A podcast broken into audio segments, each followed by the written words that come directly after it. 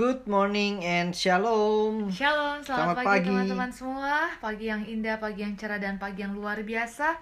Kita mau menikmati berkat Tuhan sebelum kita masuk dalam pujian penyembahan dan pembacaan firman Tuhan. Kita akan berdoa bersama-sama terlebih dahulu. Bapa dalam surga, kami mengucap syukur untuk kebaikan dan anugerahmu yang melimpah atas hidup kami. Terima kasih untuk kesehatan, kekuatan, sukacita, damai sejahtera yang terus tinggal dalam hidup kami.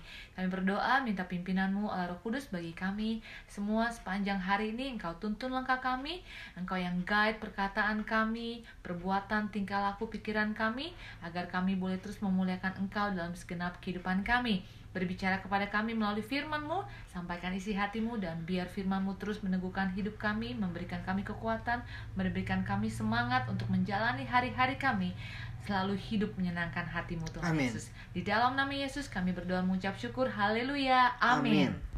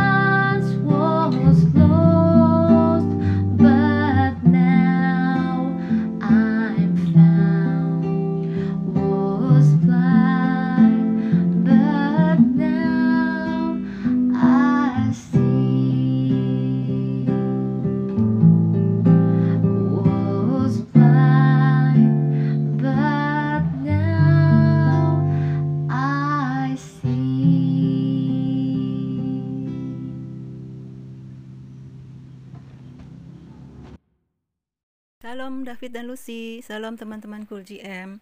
Hari ini bacaan Alkitab dari Efesus 4. Kesatuan jemaat dan karunia yang berbeda-beda.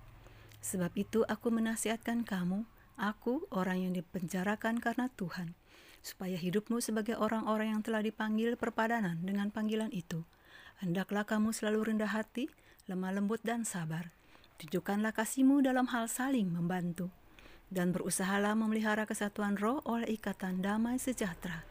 Satu tubuh dan satu roh, sebagaimana kamu telah dipanggil kepada satu pengharapan yang terkandung dalam panggilanmu, satu Tuhan, satu iman, satu baptisan, satu Allah dan Bapa dari semua, Allah yang di atas semua dan oleh semua dan di dalam semua, tetapi kepada kita masing-masing telah dianugerahkan kasih karunia menurut ukuran pemberian Kristus. Itulah sebabnya kata Nas, tak kala ia naik ke tempat tinggi, ia membawa tawanan-tawanan, ia memberikan pemberian-pemberian kepada manusia. Bukankah ia telah naik? Berarti bahwa ia juga telah turun ke bagian bumi yang paling bawah? Ia yang telah turun, ia juga yang telah naik jauh lebih tinggi daripada semua langit untuk memenuhkan segala sesuatu. Dan ialah yang memberikan baik rasul-rasul maupun nabi-nabi baik pemberita-pemberita Injil maupun gembala-gembala dan pengajar-pengajar, untuk memperlengkapi orang-orang kudus bagi pekerjaan pelayanan, bagi pembangunan tubuh Kristus, sampai kita semua telah mencapai kesatuan iman dan pengetahuan yang benar tentang anak Allah, kedewasaan penuh, dan tingkat pertumbuhan yang sesuai dengan kepenuhan Kristus. Sehingga kita bukan lagi anak-anak yang diombang-ambingkan oleh rupa-rupa angin pengajaran, oleh permainan palsu manusia dalam kelicikan mereka yang menyesatkan. Tetapi dengan teguh berpegang kepada kebenaran, di dalam kasih kita bertumbuh di dalam segala hal ke arah Dia, Kristus yang adalah kepala. Daripadanya lah seluruh tubuh yang rapi tersusun dan diikat menjadi satu oleh pelayanan semua bagiannya, sesuai dengan kadar pekerjaan tiap-tiap anggota, menerima pertumbuhannya dan membangun dirinya dalam kasih. Manusia baru. Sebab itu kukatakan dan kutegaskan, ini kepadamu di dalam Tuhan. Jangan hidup lagi sama seperti orang-orang yang tidak mengenal Allah dengan pikirannya yang sia-sia dan pengertiannya yang gelap, jauh dari hidup persekutuan dengan Allah karena kebodohan yang ada di dalam mereka dan karena kedegilan hati mereka. Perasaan mereka telah tumpul, sehingga mereka menyerahkan diri kepada hawa nafsu dan mengerjakan dengan serakah segala macam kecemaran. Tetapi kamu bukan demikian. Kamu telah belajar mengenal Kristus, karena kamu telah mendengar tentang Dia dan menerima pengajaran di dalam Dia menurut kebenaran yang nyata dalam Yesus, yaitu bahwa kamu berhubung dengan kehidupan kamu yang dahulu harus menanggalkan manusia lama yang menemui kebinasaannya oleh nafsunya yang menyesatkan, supaya kamu dibaharui di dalam roh dan pikiranmu, dan mengenakan manusia baru yang telah diciptakan menurut kehendak Allah di dalam kebenaran dan kekudusan yang sesungguhnya. Karena itu, buanglah dusta dan berkatalah benar seorang kepada yang lain, karena kita adalah sesama anggota. Apabila kamu menjadi marah, janganlah kamu berbuat dosa. Janganlah matahari terbenam sebelum padam amarahmu. Dan janganlah beri kesempatan kepada iblis. Orang yang mencuri janganlah ia mencuri lagi, tetapi baiklah ia bekerja keras dan melakukan pekerjaan yang baik dengan tangannya sendiri, supaya ia dapat membagikan sesuatu kepada orang yang berkekurangan. Janganlah ada perkataan kotor keluar dari mulutmu, tetapi pakailah perkataan yang baik untuk membangun, di mana perlu, supaya mereka yang mendengarnya beroleh kasih karunia. Dan janganlah kamu mendukakan roh kudus Allah yang telah memeteraikan kamu menjelang hari penyelamatan. Segala kepahitan, kegeraman, kemarahan, pertikaian, dan fitnah hendaklah dibuang dari antara kamu. Demikian pula segala kejahatan. Tetapi hendaklah kamu ramah seorang terhadap yang lain, penuh kasih mesra, dan saling mengampuni, sebagaimana Allah di dalam Kristus telah mengampuni kamu. Amin. Shalom, Cimaria. Cimaria, thank you sudah bersedia melayani bersama kita pagi hari ini untuk membacakan firman Tuhan di Efesus 4. And Cimaria, happy birthday to you. Happy birthday to you. Selalu sehat, bahagia, dan diberkati Tuhan dalam segala Amin. hal. Jadi berkat bagi banyak orang ya Cimaria. God bless you. God bless you. Yes, kita tahu sekarang bahwa karena kasih karunia Tuhan, kita boleh ambil bagian masuk menjadi satu tubuh dengan saudara-saudara seiman dalam Kristus Yesus. Nah, sebagai satu tubuh, kita perlu tahu cara untuk hidup in harmony, hidup rukun, dan saling menghargai antara sesama orang percaya. Dalam ayat yang kedua, kita diajarkan bahwa kita harus selalu rendah hati, lemah lembut, sabar, dan kita harus selalu menunjukkan kasih dengan saling membantu. Kasih tidak bisa hanya disimpan dalam hati, tetapi kasih itu harus diekspresikan dalam perwujudan kasih dalam dalam bentuk kata-kata. Nggak ada orang yang pacaran tapi diem-diem aja. Pasti ada surat cinta yang ditulis. Perkataan juga biasanya lebih halus dan lembut saat saat masih berpacaran daripada saat sudah menikah. Ya nggak Lus? Ngerayunya jago ya. Ini jago betul, gombal. Kasih juga pasti ditunjukkan dalam bentuk gifts, pemberian, dalam bentuk pertolongan. Yesus sendiri mengasihi kita bukan hanya ditulis, tetapi benar-benar dibuktikan sampai ia bayar dengan nyawanya sendiri. Yes. Nah, sebagai anggota tubuh Kristus, kita harus belajar nih bagaimana untuk mempraktekkan kasih ini. Saling menegur sapa di grup sosmed, ya. Tanyakan kabar teman kalian without kepo please. Jangan jangan kepo ya, nanya keadaan itu apa kabar? Berbeda dengan eh gimana pacaran lo? Gimana hubungan lo dengan si ini? Gitu kan itu kan agak lebih personal ya. Yes. kita mesti hati-hati. Berdoa bagi mereka yang sakit atau lagi ada masalah. Kalau ada yang cerita sama kita kita mesti jaga rahasianya. Betul. jangan langsung disebar-sebarin atau ditulis di sosmed Tuhan berkati kamu ya si A gitu. Kita mesti jaga confidentiality. Berbagi berkat seperti kirim makanan kepada yang memerlukan lagi. No kepo. Jaga confidentiality lagi nih ya kan? Berikan pekerjaan atau bahkan ajak untuk ikut berusaha atau bisnis. Bagi yang kehilangan pekerjaan. Ayat yang ketiga mengatakan be eager and strive earnestly to guard and keep the harmony and oneness of the spirit. Jaga kesatuan kita di dalam roh. Jadi hati-hati kalau misalkan ada suatu tindakan yang kira-kira justru bisa bikin orang tersinggung itu kita harus jaga jangan jangan lakukan. Dengan cara ini kita semua bertumbuh di dalam Kristus. Ayat yang ke-12 kita lihat bagaimana Tuhan mau kita semua bertumbuh. Semakin lama semakin serupa dengan Kristus. Menerima pengetahuan yang benar iman yang kuat dan semakin diperlengkapi untuk apa? Untuk pekerjaan Kristus untuk pembangunan tubuh Kristus Jangan pernah berpikir Tuhan mau kita itu hidup enak dan nyaman di dunia ini untuk diri kita sendiri. Tuhan Yesus tidak mati supaya kita live a comfortable life, retired young, retired rich, hidup di cruise ship, nikmati semua kesenangan dunia. Tapi justru Tuhan memberkati kita agar kita bisa terlibat dalam pekerjaan pelayanan, ikut membangun tubuh Kristus. Itulah sebabnya jika saat ini kita diberkati, diberikan pekerjaan, mari kita hidup dengan ucapan syukur dan buktikan kalau kasih kita kepada Tuhan itu melebihi dari segala kesenangan dunia. Dengan setia melayani Tuhan, setia menjaga kehidupan kita agar tetap dalam perintah-perintah Tuhan, tidak berubah dan tergoda untuk masuk kembali ke dalam dosa, menjadi manusia baru yang utuh, manusia dewasa yang berintegritas dan memiliki standar-standar Allah.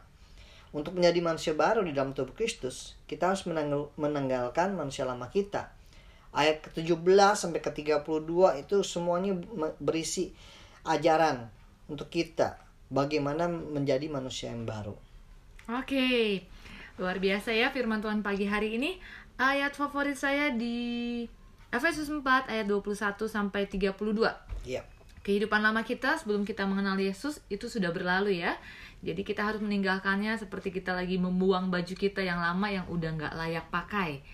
Ketika kita memutuskan untuk menerima anugerah keselamatan dari Yesus, itu adalah keputusan yang harus kita tindak lanjuti dengan keseriusan di dalam komitmen untuk terus setia kepada Tuhan Yesus.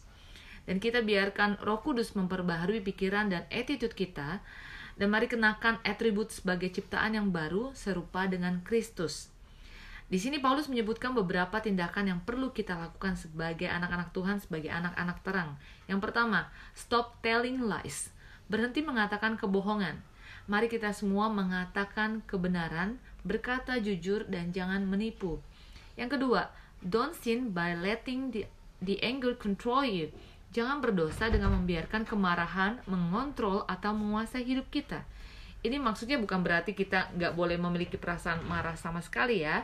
Namun poin pentingnya adalah bagaimana kita bisa handle atau dealing dengan amarah kita sehingga tidak menyebabkan kita berdosa dengan memendam amarah kita sampai berlarut-larut kemudian menyebabkan kita kepahitan dan bahkan bisa menghancurkan hubungan dan melukai orang lain. Intinya gini, jangan sampai iblis mengambil kesempatan untuk mengelabui kita dan membuat kita berdosa. Jadi jika di antara kita mungkin teman-teman ada yang marah atau kesel terhadap seseorang atau terhadap pacar atau terhadap siapa pun juga itu, ayo diberesin ya. Kata firman Tuhan, don't let the sun go down while you're still angry. Jangan sampai matahari terbenam atau sampai hari itu berakhir dan kita masih marah. Jadi kalau teman-teman ada eh, yang lagi kesel atau lagi marah, ya diberesin segera ya. Oke, yang ketiga, quit stealing. Use your hands for good hard work. Jangan mencuri, stop mencuri. Gunakan tanganmu untuk melakukan pekerjaan yang baik. Empat, give generously to others in need. Bantu atau berikanlah kepada orang-orang yang membutuhkan dengan murah hati. Tadi David sudah sebutkan juga kita mau belajar mengasihi dengan eh, praktekin ya mungkin dengan memberi atau kita dengan menolong teman-teman kita yang lainnya yang membutuhkan. Yang kelima, don't use foul or abusive language. Jangan gunakan kata-kata kotor atau kasar. Jadi gini nih, kalau kita dulu sebelum bertobat mungkin suka keluar kata-kata yang dari kebun binatang ya. Sekarang dijaga mulutnya, nggak boleh keluar lagi kata-kata yang tidak sepantasnya dikatakan oleh anak-anak Tuhan. Yang keenam, let everything you say be good and helpful, so that your words will be an encouragement to those who hear them. Perhatikan kata everything. Di sini disebutkan everything. Artinya apa? Bahwa hendaklah semua Everything itu artinya semua yang kita katakan adalah baik dan membantu sehingga kata-kata kita menjadi dorongan atau semangat bagi yang mendengar. Jadi ketika kita berkata-kata kita harus berhati-hati ya dan bijaksana supaya kata-kata kita jadi berkat bagi orang-orang yang mendengarnya. Yang ketujuh, don't bring sorrow to God's Holy Spirit by the way you live. Jangan mendukakan Roh Kudus dengan cara hidup kita. Mari kita miliki cara hidup yang menyenangkan Tuhan melalui perkataan kita, pikiran, tingkah laku, dan perbuatan kita. Yang kedelapan, get rid of all bitterness, rage, anger, harsh words, slander, as well as all type of evil behavior. Buang segala kepahitan, kekerasan, amarah, kata-kata kasar, fitnah, dan segala macam bentuk tindakan jahat. Yang kesembilan, be kind to each other, tender-hearted, forgiving one another, just as God through Christ has forgiven you. Berbuat baiklah terhadap satu sama lain, ramah, ampunilah satu sama lain seperti Tuhan mengampuni kita melalui Kristus Yesus. Intinya begini teman-teman, milikilah kasih Kristus dalam kehidupan kita dan teruslah jadi terang dan berkat di mana pun kita berada. Haleluya, semangat semuanya. Semangat. Have a nice day. God bless you. you.